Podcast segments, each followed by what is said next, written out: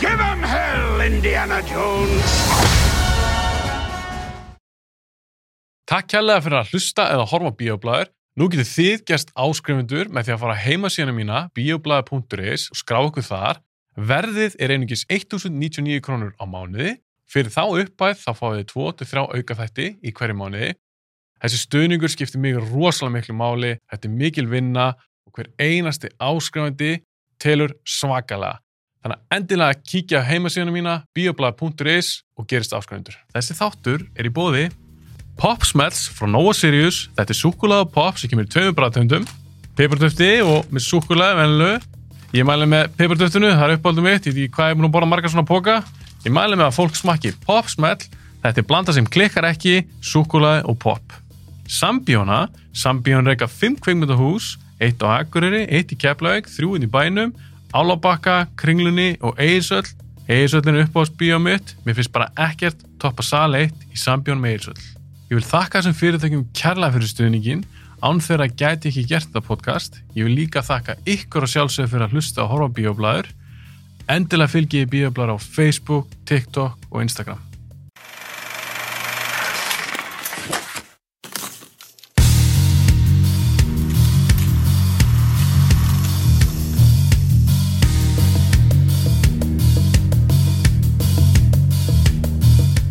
Aron, við erum að fara að gera þátt sem heitir Fire and Blood Fire and Blood og ég ætla bara að taka fram strax núna fyrir mína hlustundur og áhörundur. Ég er með sár núna á haustum bara sem ég fekk rétt á hann og það er búið að blæða þess úr því. Þannig að þetta er bókstala er blóð búið að fara í hann þátt. Ég fíla það Það þarf aðeins að Blóðfórnir eru líka mikilvægar í blóðfórn sem ég er að færa þetta. Ég veit ekki hvort fólk sjá það en ég er með þar og passa maður að fara ekki beint í sárið að því mér svíður. Þannig að þú veist að ég að því að mér líður þokkalega, mér hefur liðið betur líkamlega en ég hugsa að við náum alveg að fara í gegnum hennan þátt. ég vona það Er það ekki? Jú, Fire and Blood, bók eftir George R. R. Martin og ég ætla bara að segja það strax, þessi þáttur er ekki beint hefbundin. ok Þetta podcast heitir auðvitað Bíoblaður, það er ekki til neinn mynd sem heitir Fire and Blood en þetta er sérið sem heitir House of the Dragon. Akkurat Og planið var, ég líka bara láta fólk vita því, planið var að gera House of the Dragon þátt, bara um fyrstu seríuna. Við ætlum að gera hana í desember. Já, Það var minn feill. Já. Ég, ég, ég hafði samband við þig að þú komst til minni Rings of Power, áskriftsþáttu minn.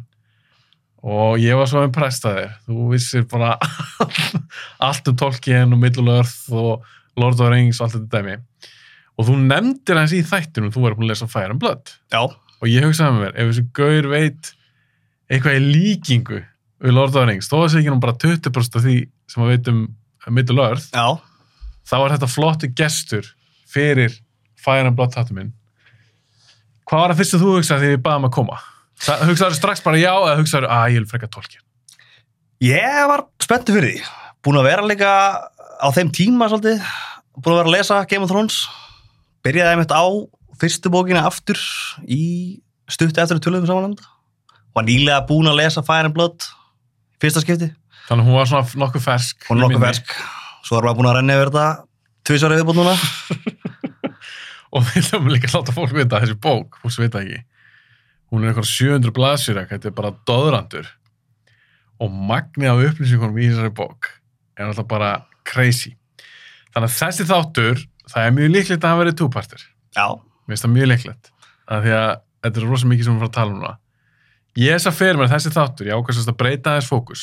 Það er svolítið síðan að House of Dragon kláraðist og ég er núna nýbúin að klára bókina. Ég hugsaði að mér gera bara and Blood þátt þar sem við förum svolítið yfir þessa helstu konga og svona já. og byrjum á að fara í eh, Valyria, Valeria. Já, Valyria, það sem að Targaryen fólkið meðal annars kemur. Já, og rekja þeim sögun, við ætlum að reyna að hafa þetta einfalt. Já en þeir sem hafa lesið bakgrunnar á smartinu vita að þetta er oftast ekki einfalt.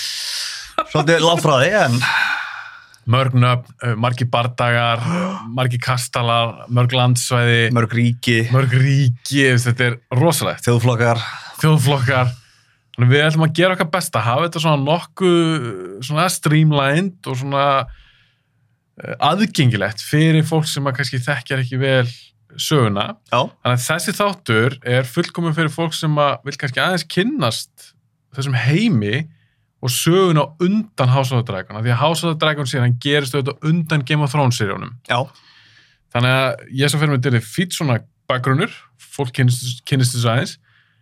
Og svo munum við ræða aðeins það sem gerist eftir seríu 1 af því það er líka í þessari bók. Já, og við munum taka skýrt fram spoilerar því ég vil ekki eiðalega seríu 2 fyrir fólk sem að uh, vil bara horfa á þetta en vil ekki lesa þetta.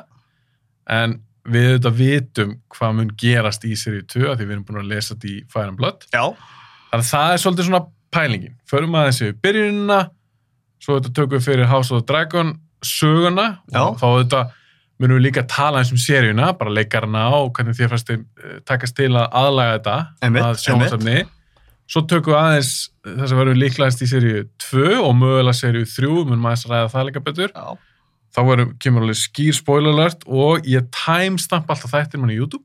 Ok. þannig að fólk getur bara skoðað ok, hérna er að tala um þetta og þetta og þetta og getur bara uh, sleppt í eða sem sagt bara hætt þá hann við tölum í seríu 2 Mm. en mér langar aðeins að byrja, nú er ég búin að segja þetta.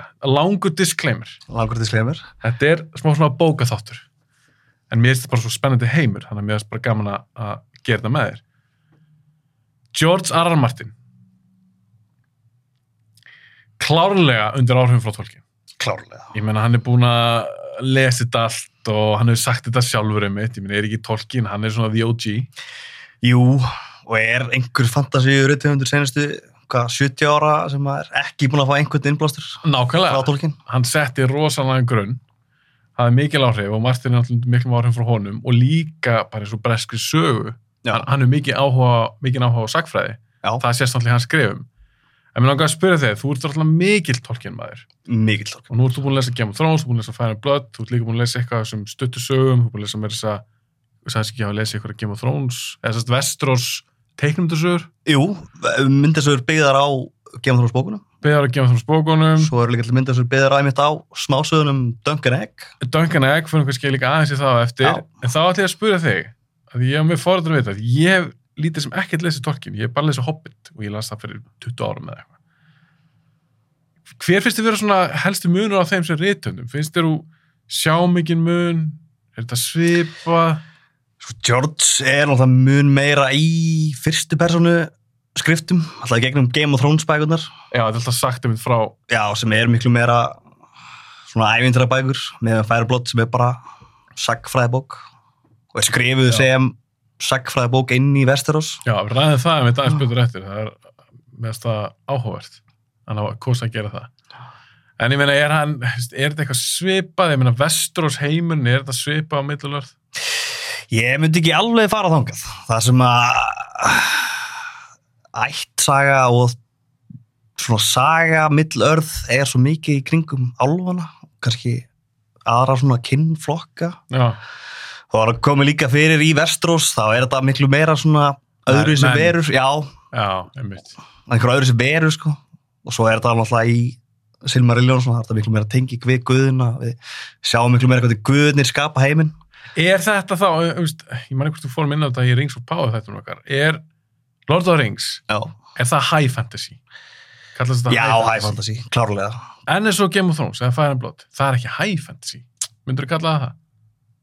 svona að mm, jú, að vissu veist, þetta er alveg Það eru galdrar að það eru galdrar og við erum með einhverja verur sem að við erum með Risa, við erum með atna, Children of the Forest Já, já. sem eru með göldróttir og drega, þú veist verður maður ekki aðeins að setja það í high fantasy Þetta er high fantasy, já, jú, jú. Ég meina Game of Thrones kannski fór náttúrulega mei, aðeins meiri galdrar. Það er ekki kannski mikið í Fire and Blood. Það er ekki sammála því. kannski ekki jafn augljóst hvernig hún er í Fire and Blood en Það er enginn að skipta um ham, þú veist, einhver shapeshifter eða faceless svona, nei, en faceless menn og eitthvað svona dót. er hún alltaf ennþá til hann eða þú veist, Já, það er lítið fjalla um það. lítið fjalla um það sko Þetta er meira náttúrulega um, sérst, Fire and Blood er bók um Targaryen ættina. Kannski koma um þetta því að þetta er bók sem að gerist 300 árum fyrir, sérst, þá er þannig alveg að fyrsta. Já. 300 árum fyrir House of the Dragon. Nei, hérna, Game of Thrones. Game of? Thrones, Game of. Thrones. Og þessi bók, Fire and Blood, hún er henni ávera voljum 1. Martin ætlaðist að gera aðra bók.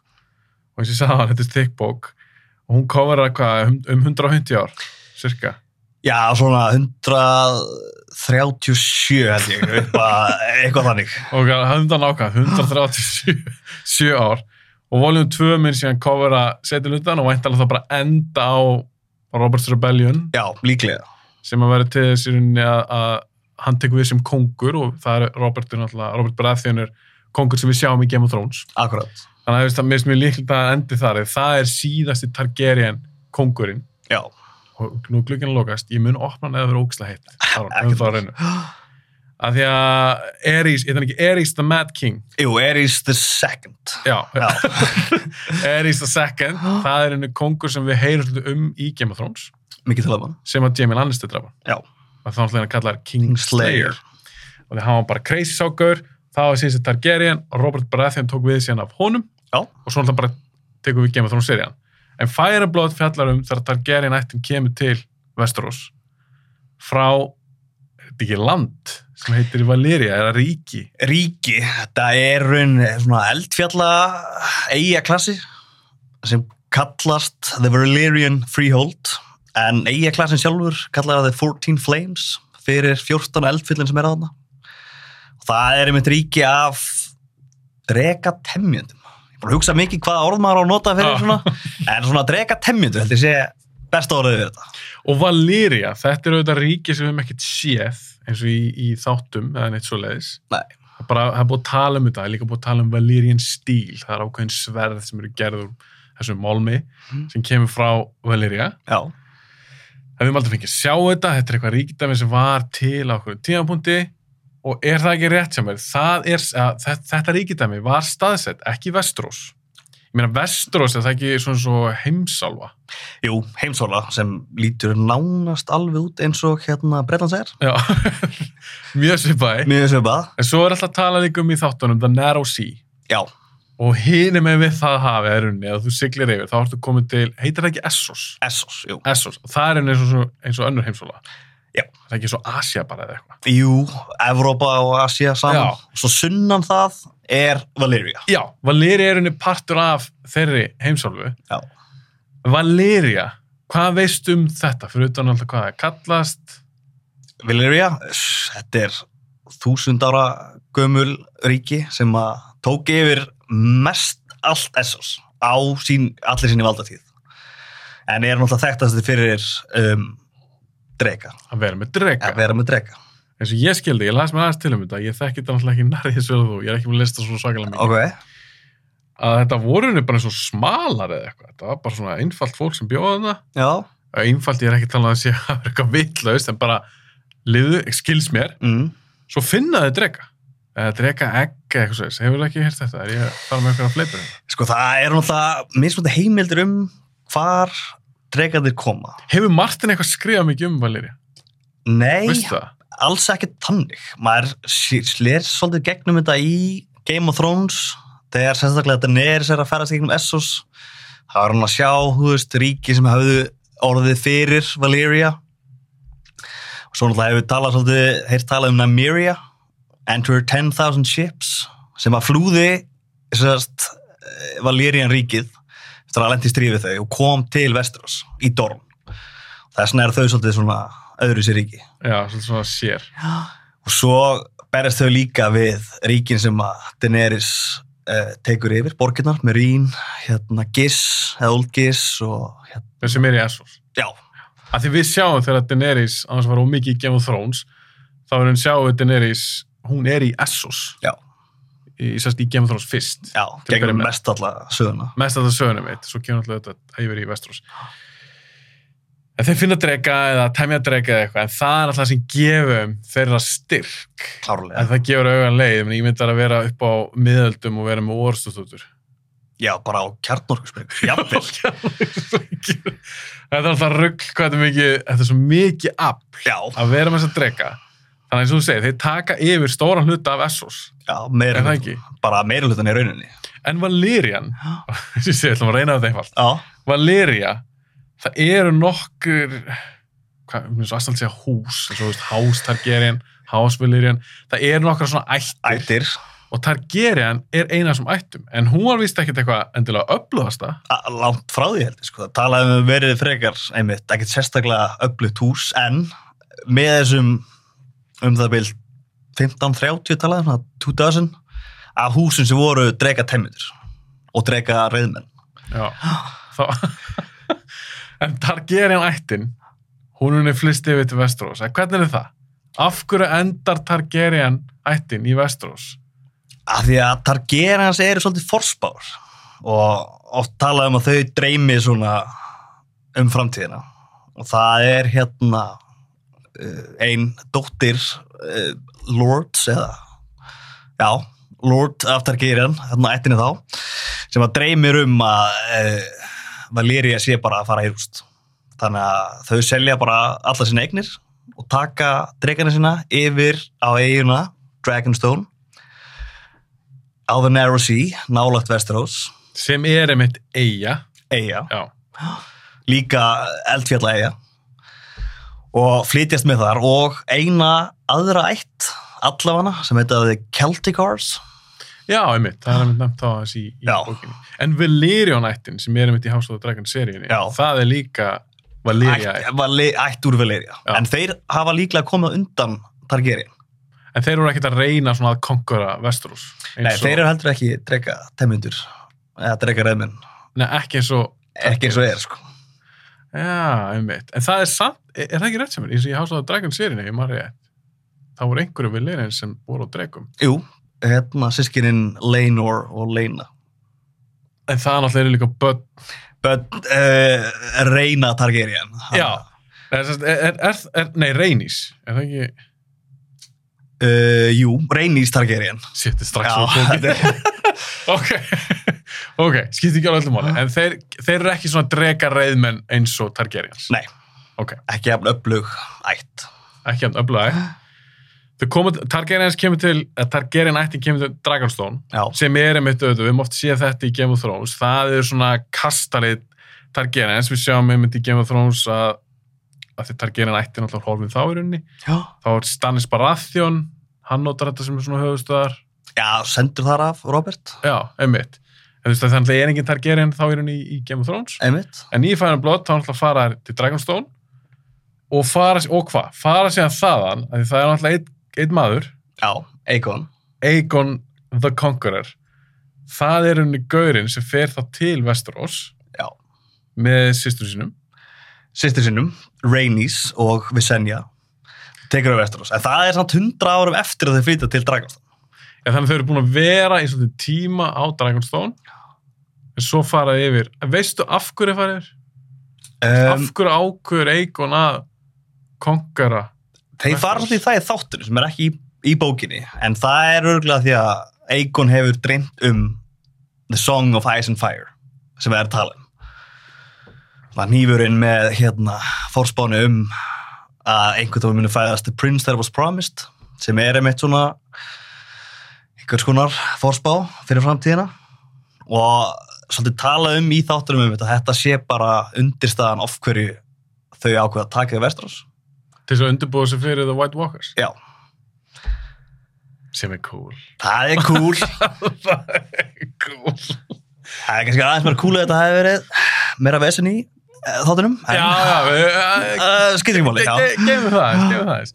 Já, þannig að Egon fer á sem sýstum sínum og hann allir henni bara konkara Vestors. Þetta eru sjö konungstæmi, ekki? The Seven Eh, Kingdoms. Á þeim tíma. Á þeim tíma, aðskilin Já, ríki, hann allir henni bara fara yfir og samena þau og vera kongur yfir öllu. já, Og það er meðal hans hann, þegar hann lendir hann á Vesteros, já, það er mitt kallað, eins og við þekkjum í dag, King's King's- Landing. akkurat. Það er byggt upp þarna það sem hann kemur, hann, hann stjórnar þaðan, Já, ekki Dragonstone. Hann stjórnar frá King's Landing. Og allt sem við höfum heyrt ég með svo Red Keep og byrja hann ekki leika með allan að grunninn aðeins og King's Guard? Jú, það er það var rauninni, stofnað í kringum hann. Jú, eldri sýstir hans, Visenya, vildi endilega að væri lífverði, lífverðir. í kringum hann. það hjælt sér síðan bara. Ég meina við höfum búin að sjá þetta í þáttunum að það er svo kallega King's Guard bara sérstök svona lífverðarsveit sem að passa kongin það kemur auðvitað frá Eikon og fyrir að koma þrjú á dregum. Og er það ekki ástæði fyrir því, nú er ég með hérna í sjónvarpinu í stúdíunu þrýhöða dreg, er það ekki táknar það ekki þau? Jú, hann er líka fyrstur til að nota þetta tákn af Targaryen ættir. Þau voru ekkert að nota einhver tákn eins og önnur hús í Vestarós, eða ættir. Já, þannig að þetta er komið frá Já, og ég myndi þess að segja, þetta táknar þau þrjú já, og að þetta er Targaryenætt og það er búið að koma fram um þetta í þáttanum þau giftast oft hvort öðru Já, þetta er svolítið sefjarspell. þá svolítið mikið þetta voru systur hans en hann giftist þeim líka báðum. Þannig að þau faraðan yfir.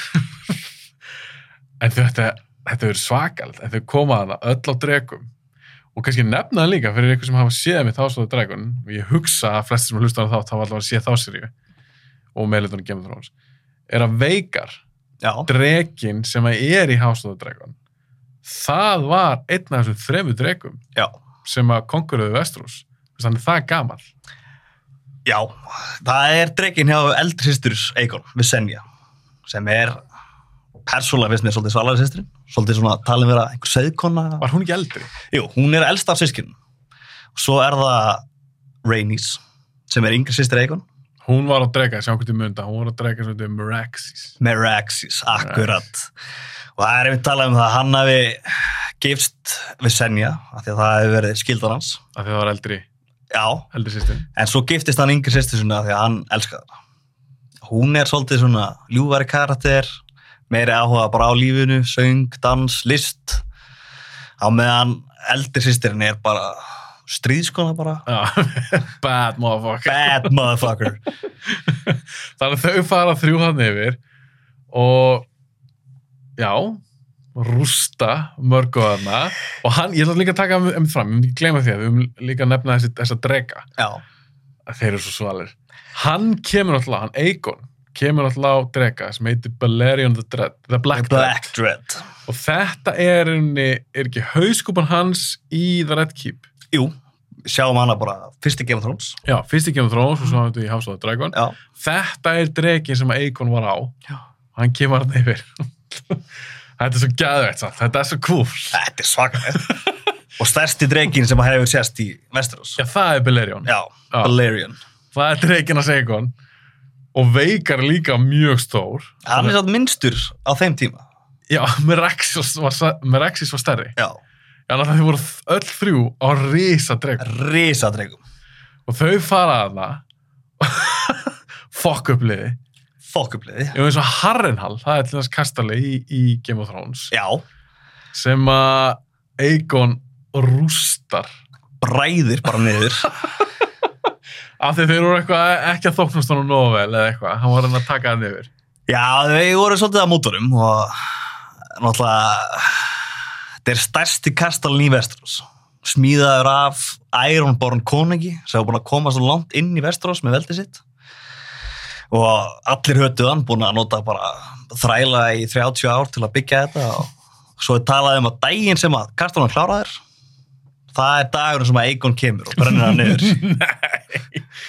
Nei.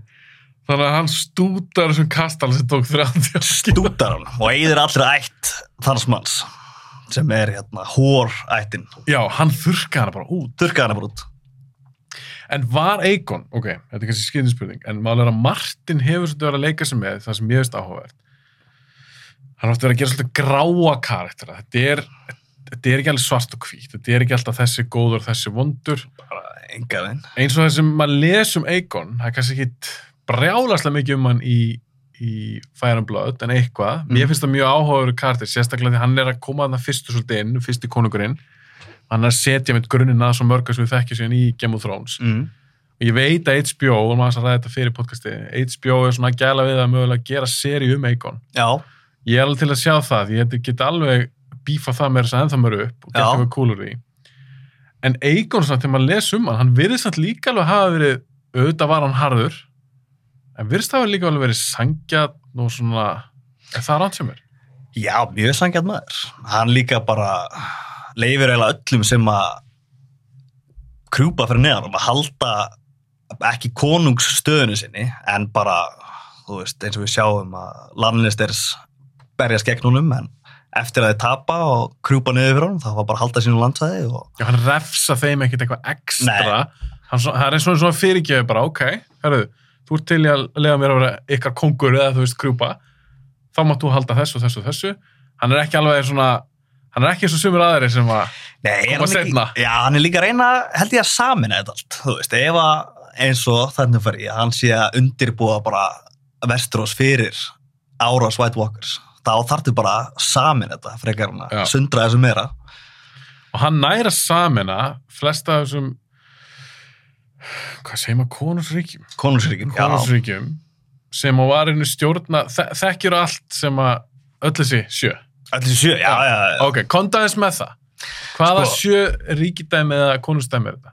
Við erum að tala um The North, sem að er bara norðrið. Og svo erum við með The það, Vale. það er starkliði sem er í Já, norðurinu. starkliði sem er yfir því. Og ég er búin að vera yfir því bara þúsund ára. Langt síðan þau tóku yfir þetta landsvæði.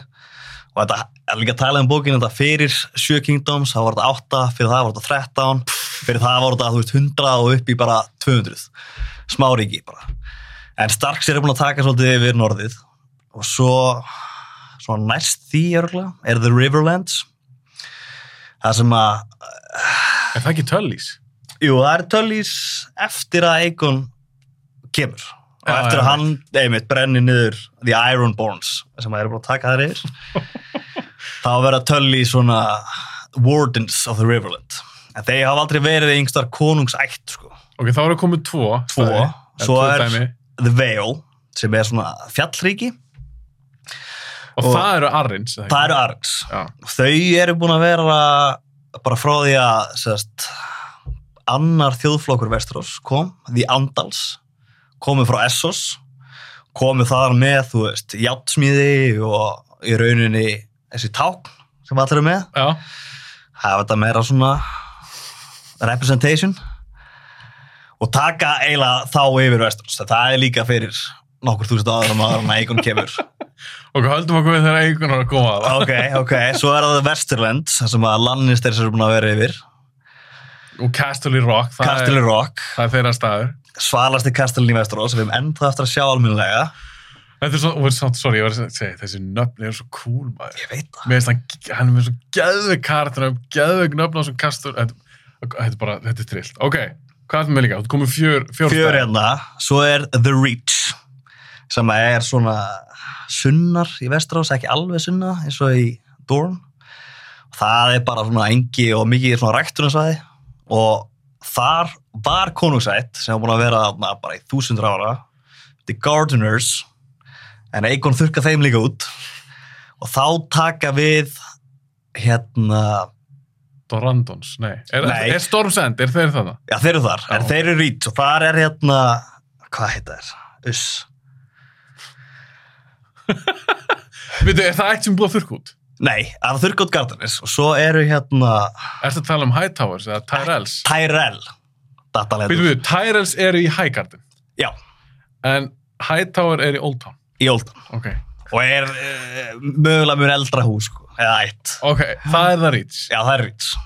Svo hefur við einmitt The Stormlands, það sem var Storm Center. Já, já, já, þar var ætt, Já, heit ekki Durand? Durandon, einmitt. Durandon, en hann fór á móti Eikon, Já, þannig að, að, hún er þurrka út. Já, þurrkast út af það, enn eina ættin og þá er einmitt hálfbróðir Eikon sem heitir Oris Baratheon sem giftist á dóttur hérna, bara svo pikki ekki mikið borðu það er mæki bara hérna giftist dóttur Durandon og tekur við að Stormsend. Og þaðan byrjar Baratheon ættin. Já þeir halda því síðan að þið, að, ég tengd alltaf Storms End við Baratheon-ættina sem Robert er mitt partur þaðan fær henni Eikon gefið þeim bara eða sérst Oris fær það Já. Storms End og hvað, er það ekki búið með allt nema Dorn? Jú, það var Dorn og svo verður maður alltaf að henda Iron Islands að inn já, einmitt, einmitt En Dorn er líka svolítið spes, en það er einmitt koma þriðji þjóðflokkur Vesturós, eða, já, sem er The Roynor. Þau koma líka frá Essos, en annars staðar úr Essos heldur en The Andals. ok þetta er svo galin saga ok, þannig að það er Dorn Já. Dorn er mitt hefur verið talað um það er svona eðamerkur fílingur þar Já, þar er hiti Martells. og, já, Martells eru þar en þeir eru ekki undir, Eikon næra ekki að konkara Nei. Þeir reyn, þau reyna Hann þau er mitt, sko, já, hann er líka svolítið fljótur á sér og krýnir sig konung The Seven Kingdoms áður en að í rauninni Dorn er komin undir hans Var hann orðið svolítið kokki? Hann bara, að, mál. Já, það er líka sko hann er krýndur fyrst til lendir og þeir brenna aðna nokkra kastala í kring koma í leið með honum svo berst hann við Durandon vinnu það. Og svo tekur risastór barndæði við það sem að hérna, Lannisters og þessi Gardeners sem voru yfir the Reach saminast með 55 núist manna herlið og ætla að hitta hann. En sem að hann er með þrjá drega þá lítið að það gerir því. Og líka, er það ekki rétt skilja mér, að alltaf Vestrós fólkið sem bjóða þarna á þessu tíma, það hafði náttúrulega enga reynslega að berjast í drega. Líklega ekki við vitum ekkert um drega í rauninni fyrir Targaryen eftir en það sem að þeir byggu þarna í hundra ára áður hann byrjar þetta Conquest þá getur við alveg álíktað að Þeir eru eitthvað, eitthvað undirbúið sig. ekki kannski ekki undirbúið en allavega einhverja vitneski um dregana sko. Já, þetta er kannski ekki alveg ja, uh, fjärstætt og bara sjá það þarna í fyrsta skipti nei, nei, mögulega ekki. En eins og með Dorn, þeir ná ekki að þau ná ekki alveg að konkara það. Þeir lendi í vesinni og fólki í Dorn, það var ekkert að gefast upp. Nei, ég vil líka hafa barstu drega áður Einmitt, og þar gerist líka áhugur atbyrður. Já, Þegar þar deyrið dregi. Meraxis, fyrsti einmitt dregin sem við vitum að af Targaryen dreganum sem er drepin í Vestrós. Og sem er líka drepin ekki af öðrum drega. Nei, hann er bara skotin með svona Er þetta ekki bara samaðu notuð í Game of Thrones setna? Skorpjón. Skorpjón, eitthvað svona skjóta eitthvað. stór lásbói Já, stó, einmitt, eins og lásbói bara, risastór þannig. Og þau eru heppin og ná að hitta með Rexis. Það er rosalega erfitt að drepa þess að drega. Já, Kannski eðlilega. Þeir eru bara með svaka brinnvaða húð bara Dragon Scale stóti, þetta er svo svakalega stert í sér og mér minnir líka að ég hef lesið að eftir sér eldastregarnir þá verða það svona einhvern veginn þykkari. já, meiri brinnvörn einhvern veginn. Ég er bara held að sé svolítið eins og krókudilast, þeir hætt aldrei að stekka, sko. Þeir bara stekka og stekka og stekka, ef þú ert bara að halda um að gefa um borða, það bara stekka þér. En það virðist dregana. En þau ná að drepa hann eitt drega, Meraxis Meraxis og, Rhaenys með, og Rhaenys deyr. Þannig að hann missir hann inn á drottningu já, og auðvitað eina systur. Hann verður ekki sáttu kallinn. nei. Það er líka batsmóður fyrsta svona hans. Einmitt, af því hann eignast í rauninni, eignast hann ekki bara tvo? Jú, Já. og ennþá talað um umdelt svona hvort að hann sé fadir þeirra beggja sko. Ég ætla að eitthvað kynnt með það. Ok, er það ekki staðfest? Já, það er alltaf að tala um líka í bókin að Reynis hafi alltaf haft svolítið svona entourage af söngurum og listamennum í kringu sig Nú, ok.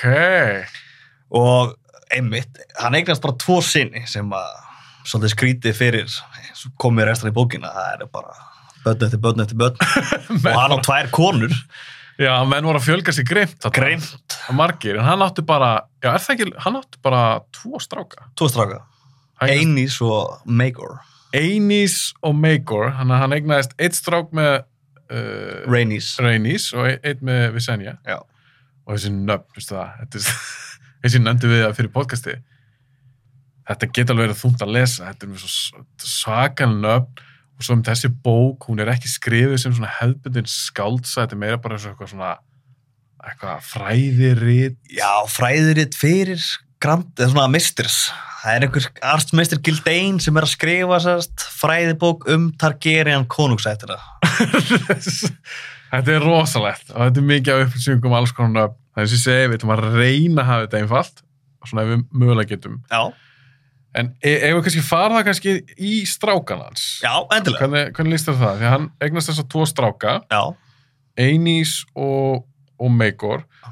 og kannski hafa fram, taka það líka fram að þeir taka það skipt fram í bókin að það er alltaf miða við þessa conquest hjá Aegon, þá Já. byrjar henni Já, ártalið þeirra sko. ártalið þeirra, það er, er BC, það er before con- Before Conquest, Conquest og og AC eftir Conquest, eftir að Eikon er búin að koma að það.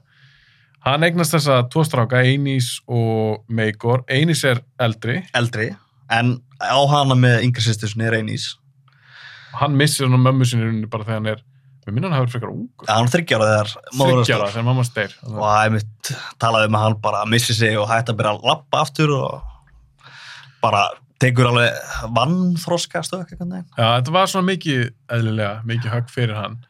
Og hann var líka törðast ólíkur bróðursum með ykkur, mjög ólíkur bróður mjög ólíkur bróðursum mjög ólíkur pappa Ei- sinni í rauninni. Já, líka pappas þetta var stór maður svona, svona impressive, gaur og klár og mikill stjórnandi en líka verist það að vera mikill svona bardamaður eða strísmaður Einís var ekki alveg þannig. Hann var svolítið líkara móður sinni Reynís, svona meira áhuga bara á meira svona listamæður listamæður og svolítið fræðimæður mikið fyrir stjórnusbyggi og bara sagfræði og svona. Og hann tekur við sem kongur. Já, eftir að hérna, Eikon Deyr bara ár hjartaáfæli hefði já var það ekki, hann var orðin 60 og eitthvað. eða eitthvað. Og hann, ef maður rétt þú leirist með þetta rögl, var hann ekki hann var kongur allir í þákættis tíma 30-40 ár. 37 ár held ég.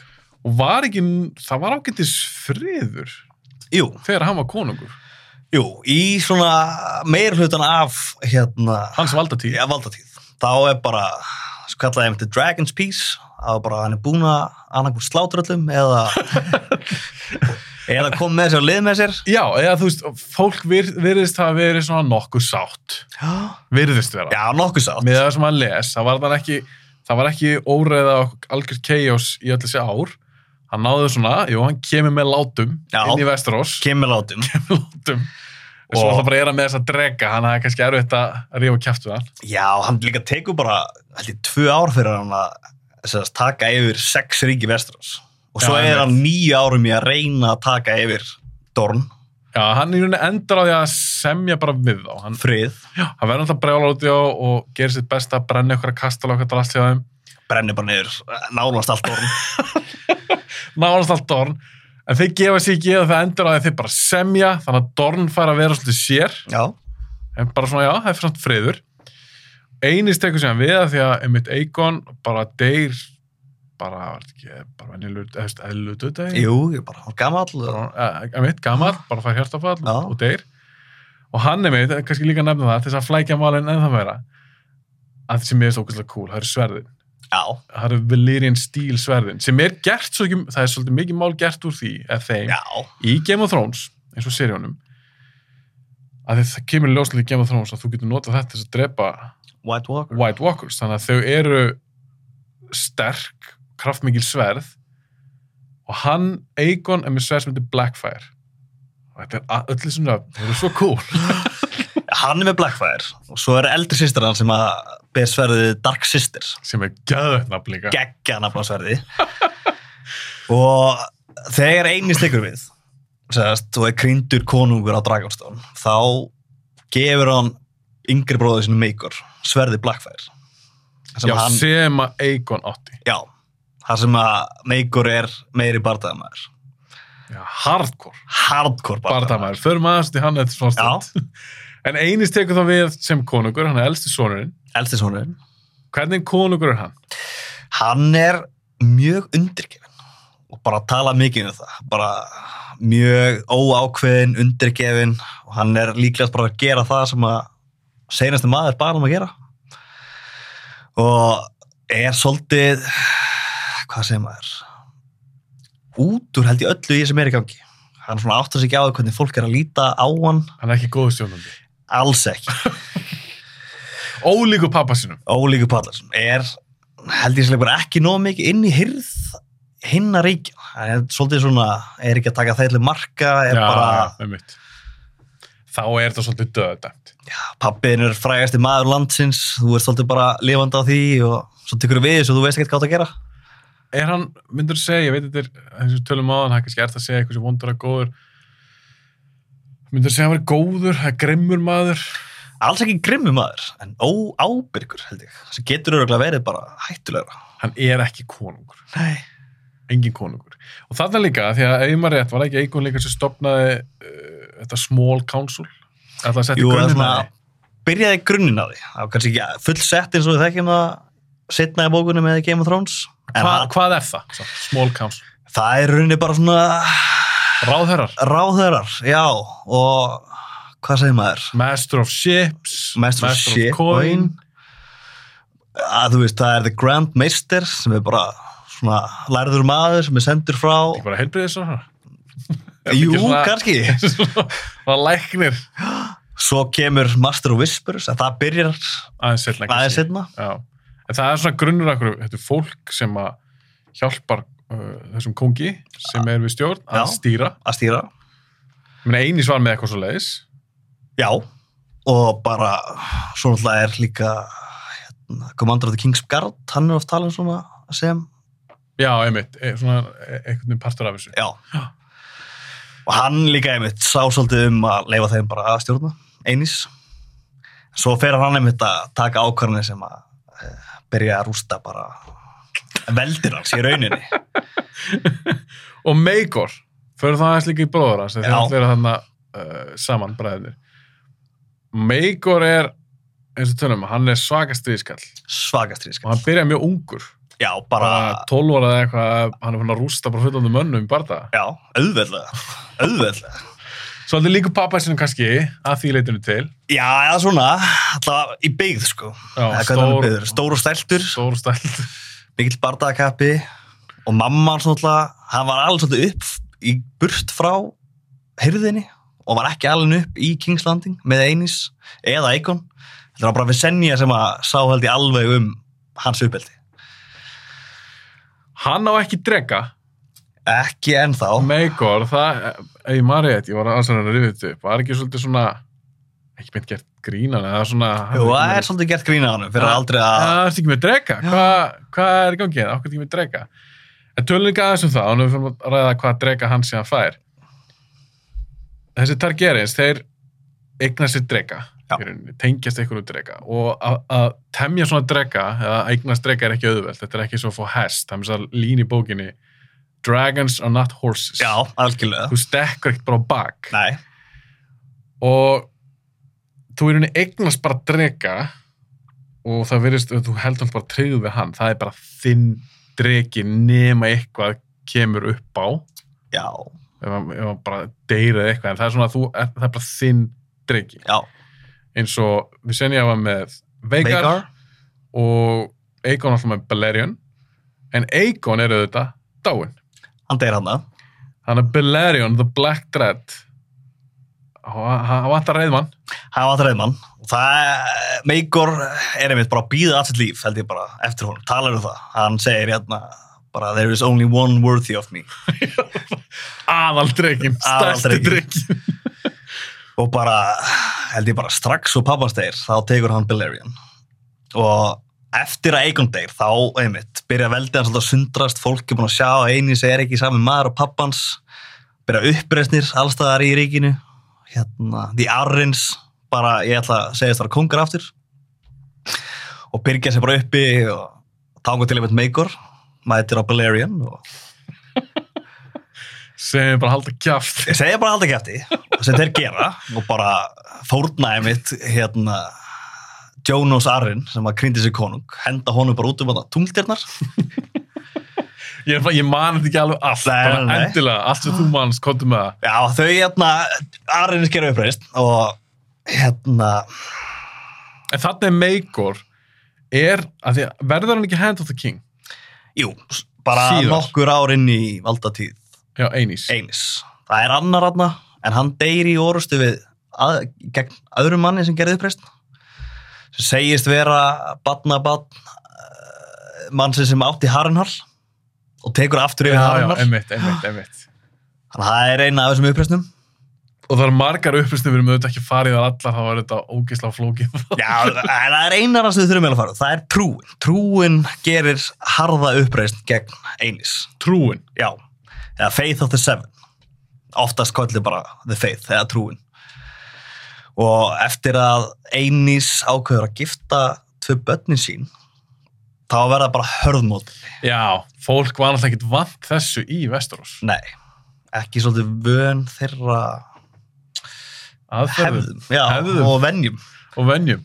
Já, trúin verður svolítið perruð. mjög Af því að einu sem þannig var að að gifta, hvað svo, sískinni? Uh, já, Frænsískinni. Eða börnin sín. Já, börnin sín, Hérna, dóttur og són sín. Já, það gifta þau sem er náttúrulega bara í hefð hjá Targaryen ættinni. Já, En Westeros íbúum finnst þetta skrítið og, og, og það verður að gera uppreist. það verður gerð næst og bara trúin í rauninni bara afneitar valdi einís. Já, segi byrja bara, hei, við erum ekkert að að hlusta á þessum út kong. Nei, bara, við ætlum ekki að hlusta á hérna, þetta Abomination, King Abomination. Já, þeim finnst það bara einhver úrkynjun að gera þetta. þannig að þau gera uppreist og einmitt, hann gerir svo lítið í þessu, er ekkert að reyna sáttum, ætla bara að vonast þetta degi út en svo bara verður þetta starra og starra og svona hervald trúnar verður meira og meira og fólk byrja að flikjast meira og, og verður alltaf meiri og meiri ógn. já, sjálfsögðu og svo bara missir hann með tökin á King's Landing endan og það bara flytist til Dragonstone og byrja að ráða frá þar og svo einmitt deyr hann bara stutt, mjög stutt inn í sína valdið Hvað gerðist þetta fyrir einis? Manstu hvernig hann dó? Já, það er nefnilega svolítið umdilt að að hann aðna, flýr King's Landing eftir að hérna, her trúnar kemur og tekur raunni bara nánast yfir borgina. Var hann gunga? Já, hann var engin stríðskapi. Það er talað, hann kunni nú að skilmast en engin stríðskapi. Hann Og- flýr. Flýr með fylgstofna sína til Dragonstone, þar sem að eldri sýstir Eikon er og það var hann svolítið veikur búin að vera heldur bara kvíðasjúklingur í rauninni alltaf litið á þannig hún tekur einhvern veginn við að sjá um hann svo deyr hann bara mjög stutið setna Þannig að mögulega við senja bara kála hann kala á hann. Ok. En þá náttúrulega meikor á lífi. þá er meikur lífi en hann er já við skulum fara bara í veikur núna Já, förum við yfir í meikor. Það er einn af mínum uppáhalds. já ég er sammála hann er svakalegu fantur Ég væri til í, að því að ef þeir ætla að gera einhverja Aegon the Conqueror serju, ég veit ekki hversu langt er að fara með það þá, að því ég væri svo meikor líka. þurfum við að taka þá Eikon og báða held ég Já, er það ekki? Gæti Jú. það ekki orðið geðveikt stöf? Þetta er líka sko, þá heldur við sjáum líka svo hátt pík í þessu, þú veist, bara algjörlega stærstu í völdinu, hann er bara að taka yfir allt veldi og svo svolítið að. Og það er líka með, það við myndum taka þetta sem serju, Aegon, Aenys, sonans Mhm. og Meikor sínans. Ef við tækið það, þetta er eitthvað, skil, ég veit ekki, tvæð þrjá serjur eða eitthvað, þú ert með svo mikið í þessu, þú ert með alltaf geggja þessu frábær karaktera, eins og Aenys er listamæður, Meikor er satisti Já, og svaka stríðskall og verður náttúrulega öflastu maðurinn í Vestrós með drega-aksjón, stærsta drega, þetta getur verið trillt. En sérst Meikor, við erum að fíla hann báðir Já, og hann fær nickname Maegor the Cruel. Meikor the Cruel Hvað, hvernig gaur er Meikor? Þetta er stríðskall satisti Satisti. Og eins og þess að hann er alveg upp svolítið útjæri og ég held að það sé svolítið partur á kartans. Hann er bara, mammans er bara með hann, klædnar í honum, hún ætlar að ala upp ákveðin karakter eins og hún vill hafa hann. Gera hann algjörðu stríðskapa eins og hún er sjálf. Svo ef ég ætla að halda að hann sé kannski einfaldur maður, hann er nett einfaldur ekkert klárasti maðurinn. Nei, nei, einmitt, Og hann- meiri stríðsk meiri, meiri brawn heldur en brains. Já, skilur ekki svona social cues held ég sko. Nei, og kannski ekki pólitíkina og nei, bara ekki neitt sko, hann er bara einfaldur maður. Sem vil bara sveifla sverðinu sinu en er ekki á tíðapunkti, er hann ekki með bæði sverði, Blackfire og Dark Sister? Jú, móður hans gefur honum Dark Sisters þegar hann er 13 ára og er stuttur setna krýndur bara rittari, eða svona döbbaður rittari, Sir Maegor. Sir þú kannski skjóta því líka inn núna ég er svo til að gleyma því ég er að, ég er að ímynda mér þeir sem er að hlusta á það sé kannski fólk sem er aðalega búið að sjá House of the Dragon, kannski endalega búið að lesa Fire and Blood Einmitt. að það er stór karakter í þeirri séru, Daemon Daemon. hann er auðvitað með sverðið, Dark Sister Dark Sisters. þannig að Daemon endar við að fá sverðið sem að er með, núna við erum á þessum tímapunkt í sögunni.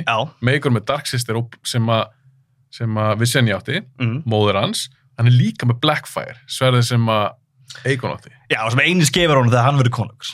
Það er hann segir bara, við skulum ráða okkar veldi saman, þú verður hérna, þú veist, her hluti, eða valda hluti mín, sko.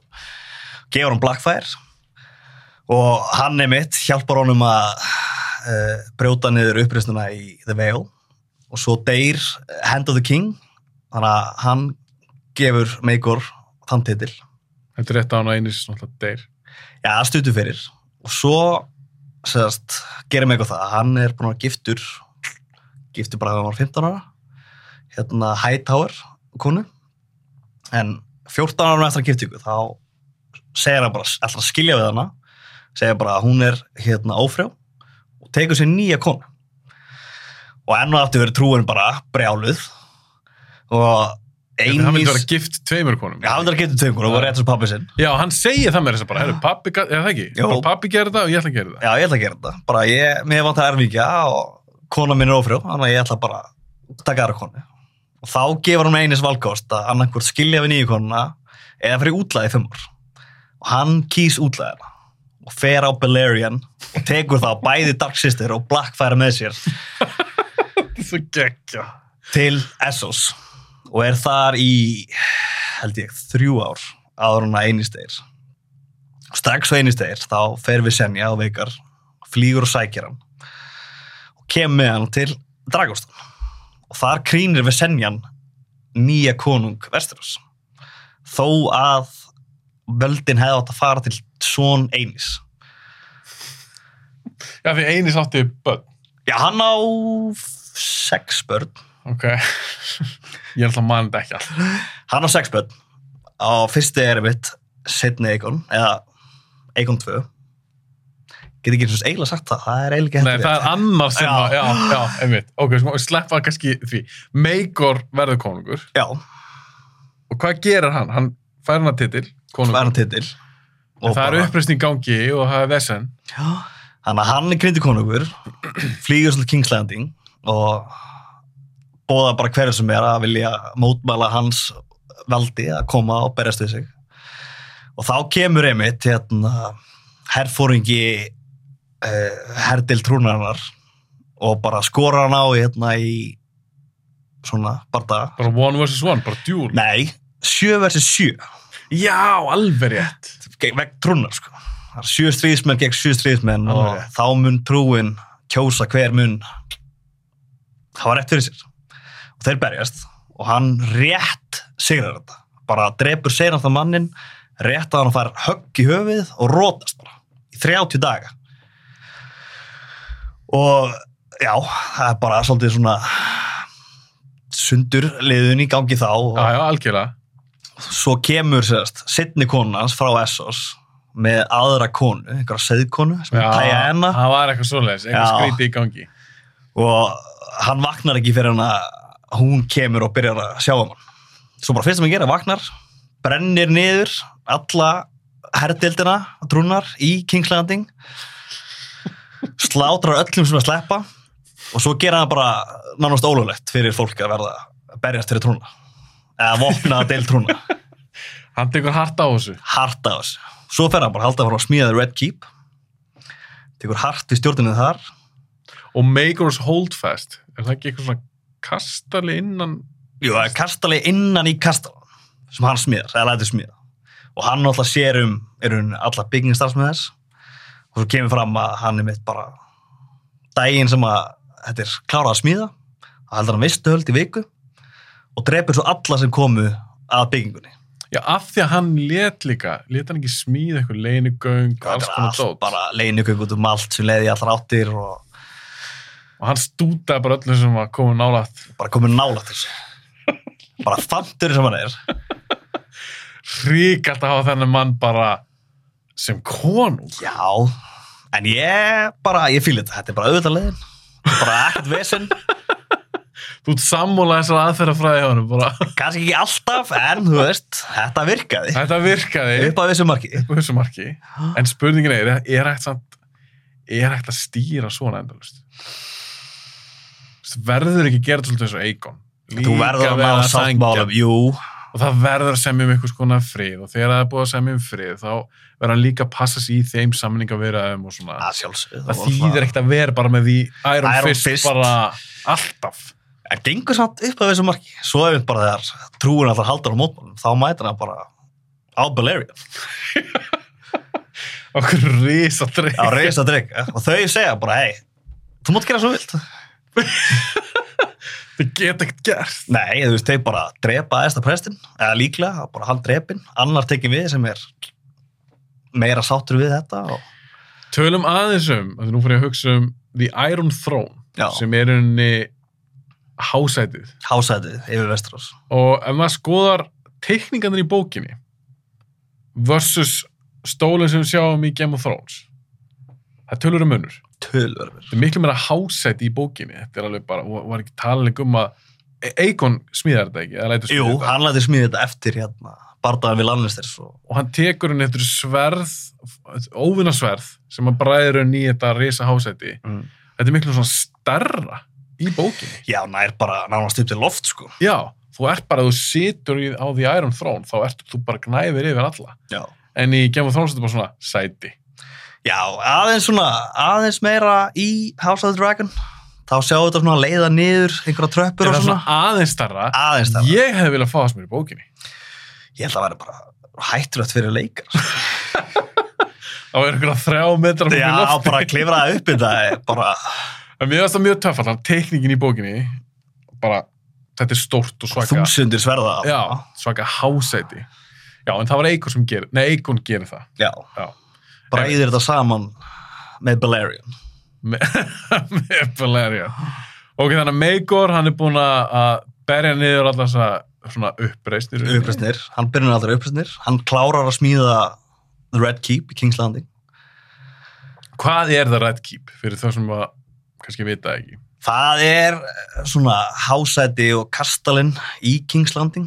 Það sem að Targaryen bara stjórna frá. og þar er þetta ekki The Iron Throne Jú, inn í The Red Keep er Iron Throne. já. og svo er Meigors Holdfast, það er líka svona svo kastalinn í kastalinn Já, en já, það er henni bara kastali og Já. fleiri herbyggi. Ekkert svona svakalegt aðna talað mikið um þetta. en ég held að þetta er eitthvað neymdropa held ég í Game of Thrones veist, Já, Me- já. Meigors Holdfast, mér minnir að ég hef heyrt þetta á hann í las Fire and Blood Já, algjörlega. Það Talað um þetta. Já, það er talað um þetta, það er að tala um Belerian og það er svo gama, það, það er verið að referensa í þetta dæmi sem er síðan í Fire and Blood. Það er svolítið gaman um til að lesa Fire and Blood, bara já, herði ég maður, hei, cool, við fórum að Já. sjá núna hann að gæja hérna, já, ok.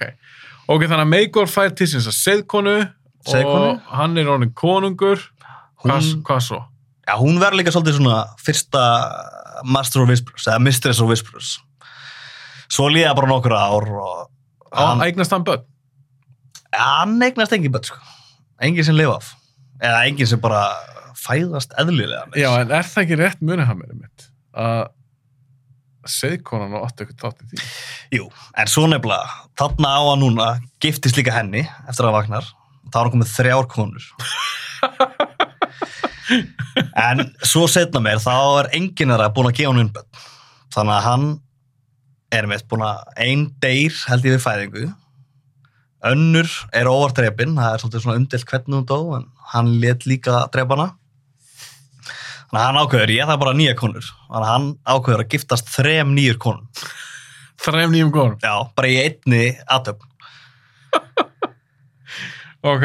Og hann sem tekur að sér uh, Eleanor, uh, Costavey, Jane Westerling og svo sinna, sem Ok, er, mannstu þetta? ok, hann giftist þeim. já, og sem sagt, litli frængur sinni, sem er dóttir bróðurals. Og mannstu hvað, hvað hún var gömul? Það eru stundum að giftast bara hellit ung, Já, helvit ung. Hún er, hún er nú alveg orðin, fullorði. já, allavega tvítu, hún á tvær dætur. Já, ok, þegar, hún er sko. ekkert eitthvað 11 ára. Já, allar líka sittni konunars hafa átt börn nú þegar, sko. Já, hann var ekki að taka nefnt séns að taka Nei. hana ófrjá konu aftur. Nei, hann hugsaði með sér, ok, það er, er búin að sína það að það geta- eignast börn og ég vil alltaf erfingja. Já, en svo kemur að því að þessar Eleanor og Jane, þær fæða einhvers konar dreikaböld sem eru bara, eitt er bara með engin augu og vangi og hinn er með einhver hristu á sér og fæðast bara um það byrja þrjá mánuð inn í meðgöngu, Og svona afmynduð eitthvað. afmynduð. Mér finnst það alltaf verið svona áhverjukefli, það er alltaf inn á millið fæðast svona dreikaböld inn í Targaryen-lettinni. En, en var það ekki samt þessi seðkona sem var að ruggla eitthvað í þessu? Hún segist hafa eitra fyrir þeim en að því að börnin eru með svona drega features eins og er að fæðast með hristu og hitt já, fæðast með vangi já, já, já, þetta er ekki, þau eru ekki bara afmyndu, þetta er, einmitt, það er svona drega element í þeim. Já. Hvað heldur það að sé? Ég tel að vera að því að það er einhvers konar blóðgaldrar hvernig Targaryen stjórna dregunum. Þá er einhvers konar dregablóð í þeim. Það er alltaf að tala um eitthvað um blood of the dragon. Já, einmitt, einmitt, og það, eins og í þessu tilvíki, þá, þá, eins og tala bókstala um það. Það er ekki bara, já, blood of the er bara, þetta er the dragon. Já, þetta er bara, þetta er eitthvað svo dregabann. En eru fleiri sem að eignast svona? Já. Er það setna þá í bóki? Kemur þess að í, það er ekki sínt reyndar, en í loka þættunum House of the Dragon, þegar Rhaenyra er krýnd, þá er hún líka, hvað, þriðja eða fjórða fæðingratriðið í seríunni? Og ég var búin að gleyja, það er svolítið síðan ég klára alltaf seríuna. Já. Eignast hún eitthvað svona dregabann? Já, það er ekki sínt. Það er, það er svo, þú getur fundið propsið sem var búið til. Það gefur til kynna það? Já. Og talaði um bókina, hún hafi eignast svona Svona eins og meikor. Já, eitthvað svona bad með drega features. En þau lifa ekkert af. Nei, ekki það sem börnum lifa af bara, eins og segi, bara börnunars meikur fæðast bara þrjá mánuðin í meðgönguna. Þannig að hann eignast ekki erfingja. Hann eignast enginn erfingja. Og svo kemur að því að það byrja að koma fleiri uppreisnir sem hann byrjar að díla við og þar er hann búin að líka að taka til fanga börn bróðu síns og þau eru öll í umsjón hans og móður hans eins og deyr móður hans og öll börn bróður hans ná að flýja nema eitt þeirra sem að hann er með sem squire hjá sér hann enda bara að pynta hann til dauða til að reyna að fá þau til að koma tilbaka. En þeir hlust ekki á hann. Og svo byrja bara að koma uppreisnir eftir uppreisnar á mótorum allir er að fara á er nóg að... og byrja að saplast undir hérna litla frændans, J. Harris. Sem við komum að senna og hann er mitt tekur að því að hann er svona byrjar að drepa bara alla sem er að koma með einhverja góðar hugmyndir. Svona pæla hvað það gerir og hann bara, nei, lila hugmynd, drep þig þannig að hann eiginlega bara missir allar ráðamenn. Og svo kemur að því að einn daginn þá mætir einn konunars í hérna, The Throne Room. Og þar er hann bara sitjandi dauður við The Iron Throne. Já, meikor. bara búin að skera sig upp allan og með bara sverði í gegnum sig. Og það er einu aldrei, er, er það ekki rétt sem er, það er ekki tikið fram hvernig hann dó, eða? Ekkert sko, það bara einmitt talaði um að daginn eftir þá kom eina konunars og bara aðanum og hann er bara dáin. já hann er bara dá En gott fyrir allavega Vestrós. já gott er eftir þess, hann var komin tíma að hans valda til það enda Þannig að hann deyr og hann á engan erfingja, engin afningja enginn sem getur tekið við hann sem kongur. Hvað svo? þá tekur við Jaehaerys sem er uh, þriðji sonur bróður hans og hann er krýndur konungur aðna, bara stuttu setna einhver svo lítill aðtöfn á ég held bara í Stormsend þau flýja þangað og það er Orons Baratheon sem tekur við og vendar þau og hann er aðna krýndur og valdatíði hans byrja svolítið svona betra allir og heldur spennti fyrir það að meikur sér farinn og Manstu hvað hann er cirka gamal? Er hann, hann er 14 er Jaehaerys fullorinn nei hann er bara 14 held ég þegar hann tekur 14 þegar hann tekur við? 15 Er ekki líka, og því ég ætla hann að tengja þetta síðan við House of the Dragon, já, Jaehaerys, Jaehaerys það er gamli konungun í byrjun á House of the Dragon. jú, bara í fyrstu þarna. Fyrstu senni, hann er við erum að tala um hann. Já. Hann er svona gamall maður í þegar House of the Dragon ás, gerist á sér stað. mm. Þannig myndi er hann að koma bara ungur, Jaehaerys, og tekur við af Maegor. Tekur við að meikur Og hvað er með það? Ég, eins og segja, ég man þetta ekki allt nógu vel. Hann tekur við sem konungur. hann tekur við þessu konungur en þó að eldri sýstir hans hafi kannski átt meira tilkatt til stólsins sko. og þar kemur um eitt svolítið byrjun á því veist, hvort á að erfa til elsta batsins eða elsta sonarins Hvað finnst, ok, ég ætla, ég ætla að spyrja þig, ég vil alltaf tala um, þetta er alltaf bara skaldskapur sem er að ræða þetta.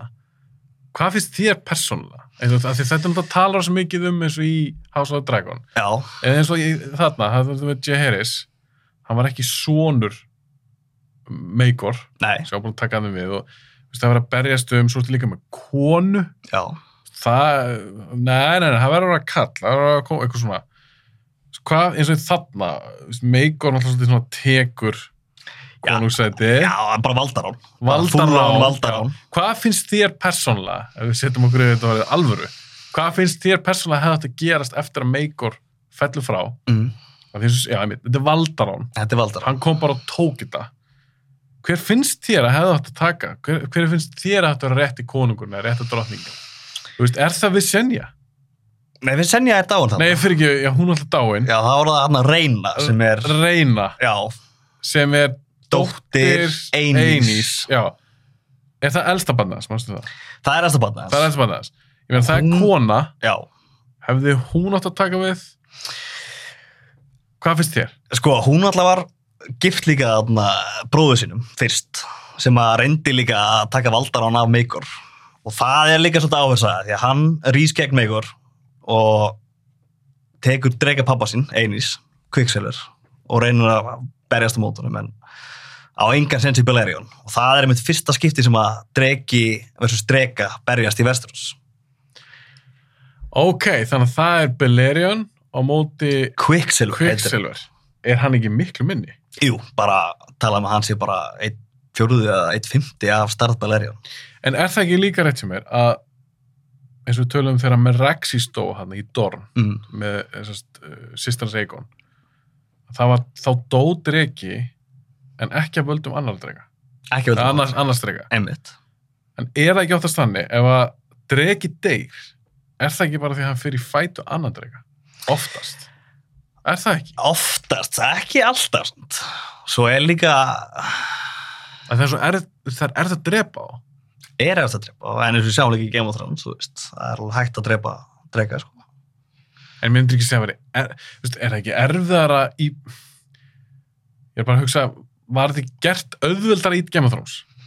Eins og í bókunum fyrst mér og sé alveg þetta er drullu erfið, það er ekkert nefnir alltaf við koma aðeins aðeins setna ég veit, ég veit, ég veit hvað það hugsa um já, en það er alltaf aðeins öðruvis í kringumstæður finnst mér, já, ræða það betur eftir. En ef þú ert með drega sem er laus. Já.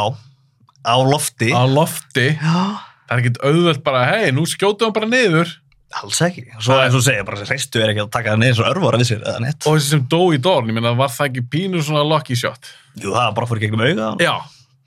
Þú veist, það er ekkert eitthvað, þú getur ekki bara með henn á auga. Nei, nei, nei, eða þess að það tala líka um. Þú veist, aim for the rider.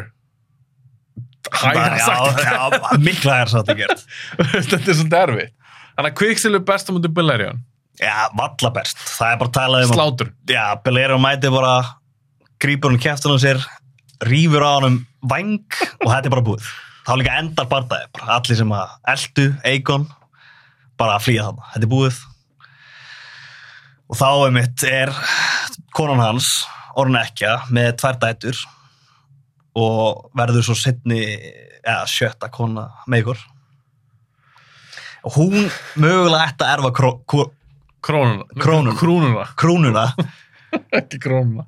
Krúnuna Það Og- gerir það ekki. Sko, fyrir mig Já, veist, hefði- hvað finnst þið svona réttast? Hvað verður réttátast? ef við varum að tala um lög Vesturás þá er það alltaf, hefur alltaf verið elsti sólin. Og svo líka er hefði hún kannski ekki verið besti kosturinn? Bara hvernig persóna hún er. Já, ég skilji ég er líka svolítið brotin manneskja, bara að missa eiginmann sem er líka bróðurinnar þú veist, þurfti að vera gift meikor þú veist, búa einmitt taka hefni völdin. Þetta er svo, þetta er svo brútal heimur líka. Ég veit það. Myndur ekki segja að Vestrós og þetta er alltaf að gefa þróstótt er þetta ekki meira brútal heldur en til dæmis Lord of the Rings? Miklu meira. Og líka bara við erum að tala um veist, það er svo mikið fólki að deyja bara úr sárasóttum og sjúkdómum og bara, veist, allt þetta. Og, og svo líka, það, veist, það eru svo grófa lýsingar oft í bókunum. Já. uh, bara börn eru drepin og það, er engin miskun þeir geta ekkert sínt þetta í seríunni. Ekki alveg. Ekki þeir fara alveg. svona oft helvíti. Já, fara oft í helvíti grófa rátt grófar áttir.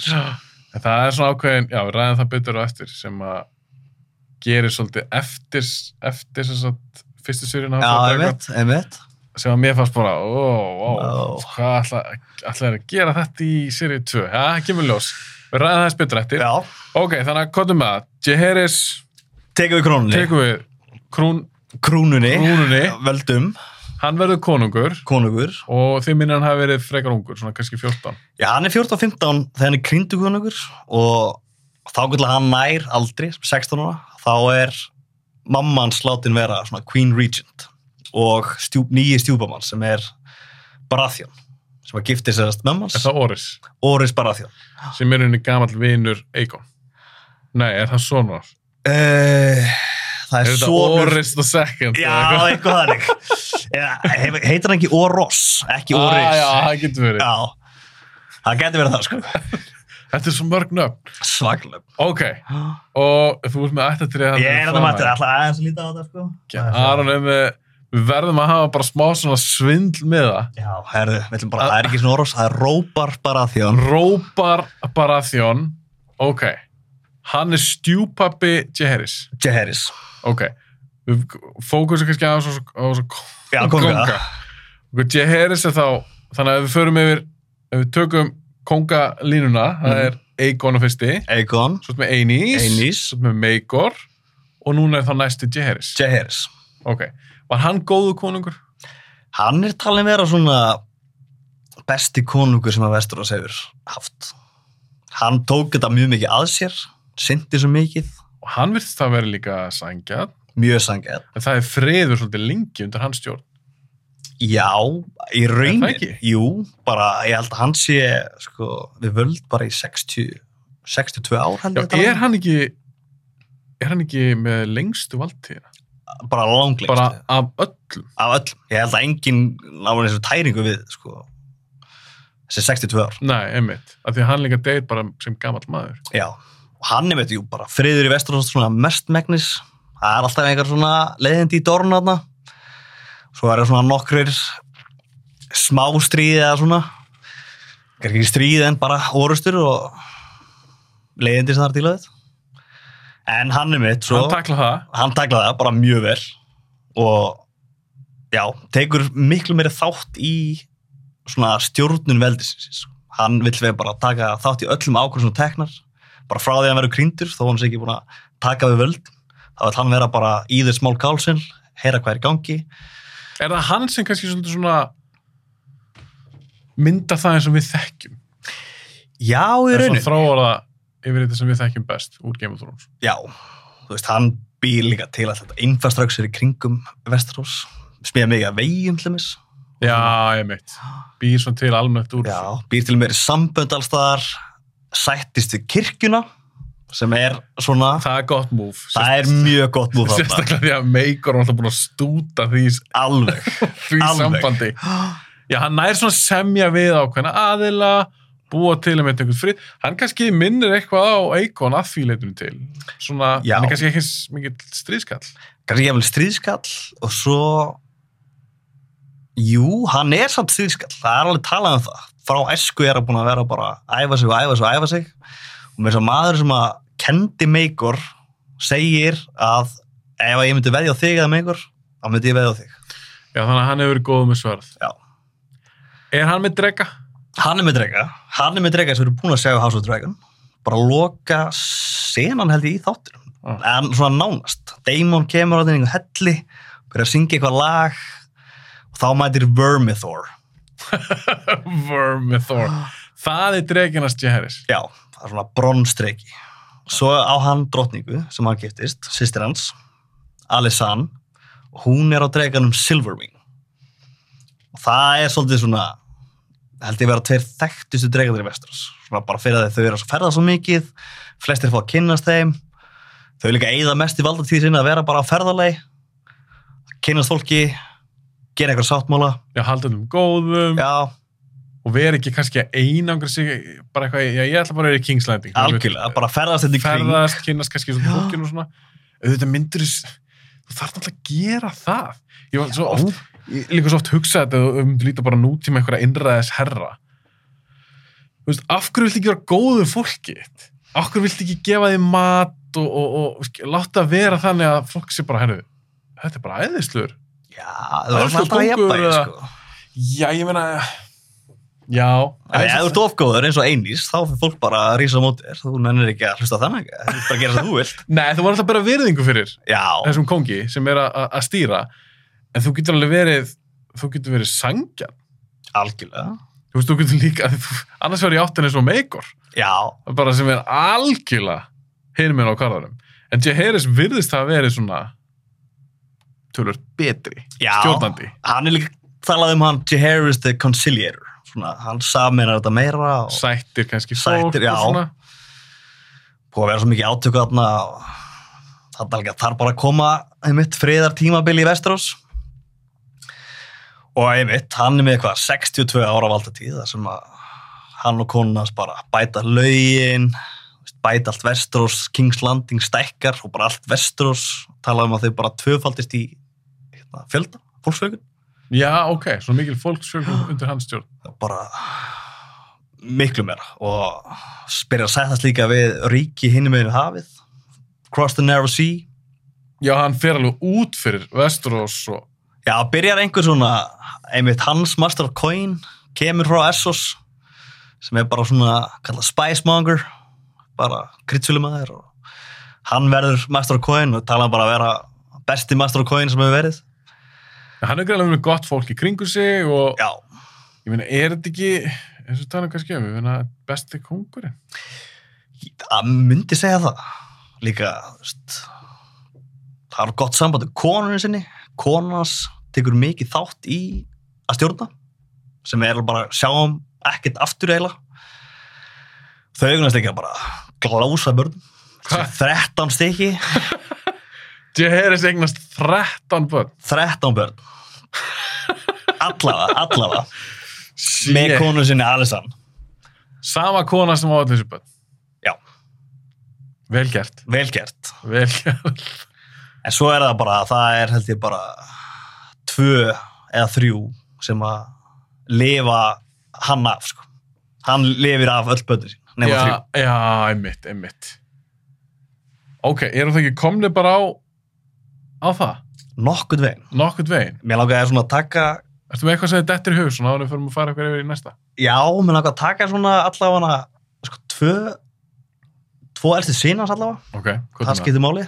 Þannig að það er um, tekur bara á sig það það er eiginlega ómöðult að muna öll þessi nöfn. En það er sérst fyrsti sonur hans sem að nær fullorðsárum. Það er Aemon Targaryen. Og hann giftist hérna Jocelyn Baratheon sem er sérst dóttir Alyssa Velaryon sem er móðir Jaehaerys og hérna Rópar Baratheon já, ok, Sérst, hann giftist hálsistur pappa síns. Og eignast þar Rhaena, eða Rhaenys sem er í House of the Dragon Queen who never was. Já Rhaenys er gift í House of the Dragon Corlys Corlys Velaryon. Velaryon. Já. ég skal reyna, fyrir ykkur sem er að horfa á þá ég skal reyna sem ég get, kannski setja ykkur myndir af fólkinu svona meðan við tala um það. Ég skal gera mitt besta við erum svona að segja, við erum að reyna að hafa þetta Já, einmitt, einmitt. Og veitu, hann eignast Rhaenys Hann eignast Rhaenys og, sem sagt Jaehaerys? Nei, nei, Jaehaerys eignast elsti sonur hans Aemon, eignast Rhaenys sem sagt Rhaenys er badnabann Jaehaerys. Já. Jaehaerys er afinar og í rauninni litla frængas af því að þú veist, þetta er hálsistir hans er líka þú veist, tengdadóttar hans. Ok, við komum með hausverk. Ok, þess að Sivja spils ættfræði já, flóki flókin. Og svo er það setni svona sem er Baelor the Brave. Eða Baelon Baelon, ok. Baelon hann er hérna næst elsti sonars. Og hann eignast Viserys sem er kongurinn í House of the Dragon. Einmitt sem Patti Konstantín leikur. Já, og Daemon Targaryen sem að hérna Mats Smith leikur. Já, einmitt, sem bróður hans já, Viserys. Og segast þeir deyja áður en að Jaehaerys deyr og það er bara einmitt harmleikur Aemon sem að á að vera kongur og er bara stór, góður maður, stríðsmaður samgett mjög mikið bara svonum föðu síns. Hann er í einhverjum það er einhverju sjóræningar sem ráðast á einhverja eigur í Vestrós Targaryens ákvaða að hjálpa þeim. Og svo verður hann fyrir að hann er bara skotin með öri gegnum hálsin bara í einhverjum samringa eða í einhverjum bara samtali við einhvern mann í tarð sem er eiga þarna rétt fyrir þetta Vestrós Já, og deyr bara skyndilega. Þannig að þá verður yngri sonurinn Bailon sérst, erfingi Jaehaerys og svo þegar sérst, fleiri byrði, svo deyr Bailon úr bara hérna, bátlangabólgu og þá er einmitt svona umdelt hver á að taka við krúnin og þá er einmitt þetta Great Council sem við sjáum bara í byrjun á þáttunum um að ákveða hver mun taka við að Jaehaerys og þá er kosið við Seris konung Vestros og þá erum við komin í House of the Dragon. Ok, ég er að pæla. Eigum við kannski núna við erum ekki búin að tala kannski það lengi en samt, við eigum alveg slatt eftir. Að stáða, við eigum allavega klukkutum eftir. Allavega þannig ég er að pæla hvort við ekki bara splitt þessu núna ekki nú vilja koma eitthvað í lokin.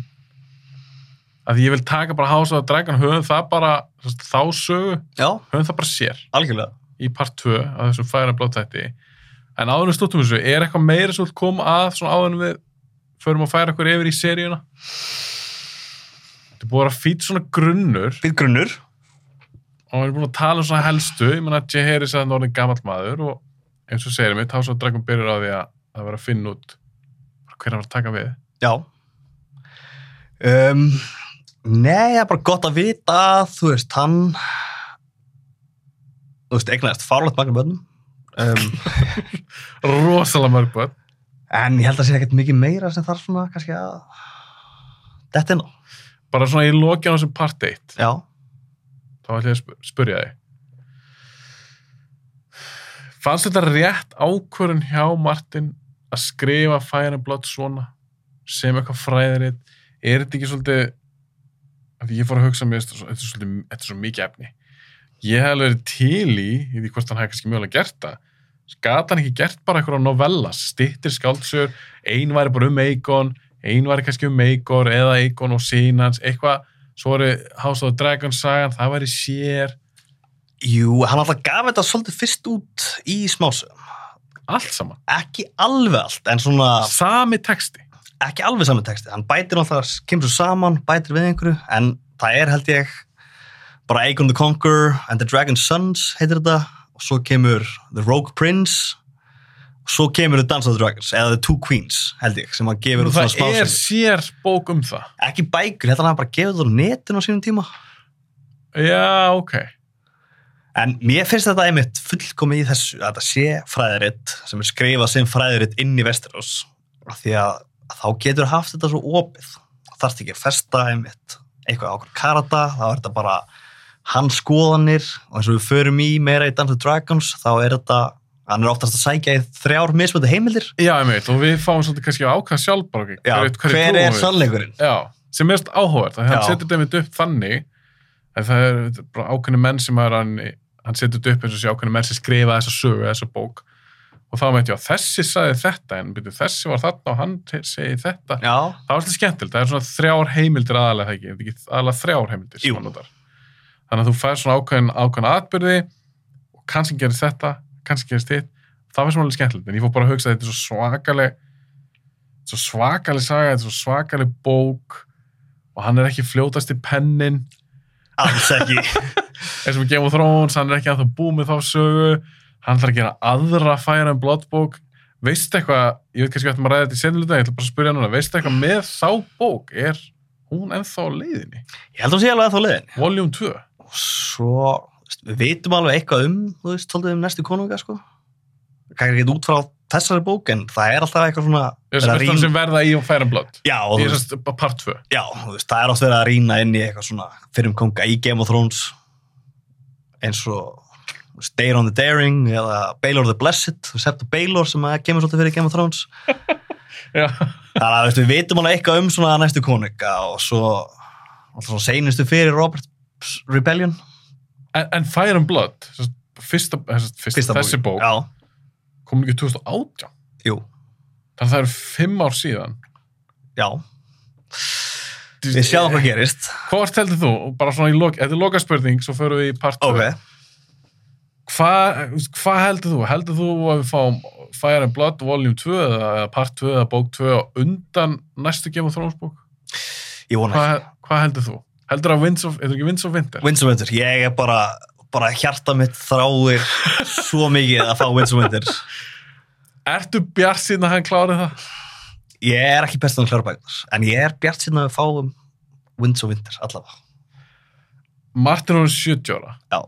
Hann er svona komin í, í svona e- eldri kantin. Ég meina vonandi bara he- helst hann á lífi og, og lifi bara góðu, góðu lífi á góða æfi og næra skrifa eins mikið af vesturstóti eins og hann mögulega getur. Hann hefur sjálfur sagt bara að það er svo mikið sem hann langar að skrifa Já, en hann hefur bara takmarkaðan tíma algjörlega. en það er spurning bara, verður hann ekki að fara eitthvað að forkastræða og Jú, ég segi það. Klára vins og vinter? Já, það ég vil það fyrst og fremst. Bara, þú verður að fara að klára Magnum þitt. Þetta er bara, þetta er aðalverkið. Þú ert ekki sem búin með þetta og þú ert byrjað að gera smásögur hérna og fræðir eitt inn í þessu og Hann er kannski mögulega búin að skrifa sig út í eitthvað hot mögulega. og þú getur ímyndað líka þetta er svo svakalega, bara fólk sem hlusta þennan þátt hlusta á, og við erum að sleppa fullt á dóti fyllt á þetta, sko. öll þessi nöfn, öll þessi staðir ímyndar að vera eitthvað gaur eins og Martin að halda auð, það er ekki sjens að ég geta haldið utan um þetta Nei, bara, muna öll þessi nöfn og hverju tengjast hvernig og bara eins og þessi skipulega, sko. Þú ert bara að klára möppu bara fyrir hverja ættarna en í húsinni, sko. Já, menn hann þurfti ekki bara að vera með bara á vegg, bara öll ættatriðin og allt bara, já, já, byrju á þetta nafn, já, þessi, þessi. Ég, ég, fæ bara höfður að hugsa um það, sko. Já, En úr varð helviti skemmtilegur heimur fárólega skellur heimur. og það sem er að fara að gerast núna í part 2 hjá okkur, þá munum við tala um House of the Dragon söguna sem ég veist vera frábær saga. Mm. Þannig ég segi bara, núna Aron, smá pása, Spá pása. takk fyrir að koma í sétt þærmyndu.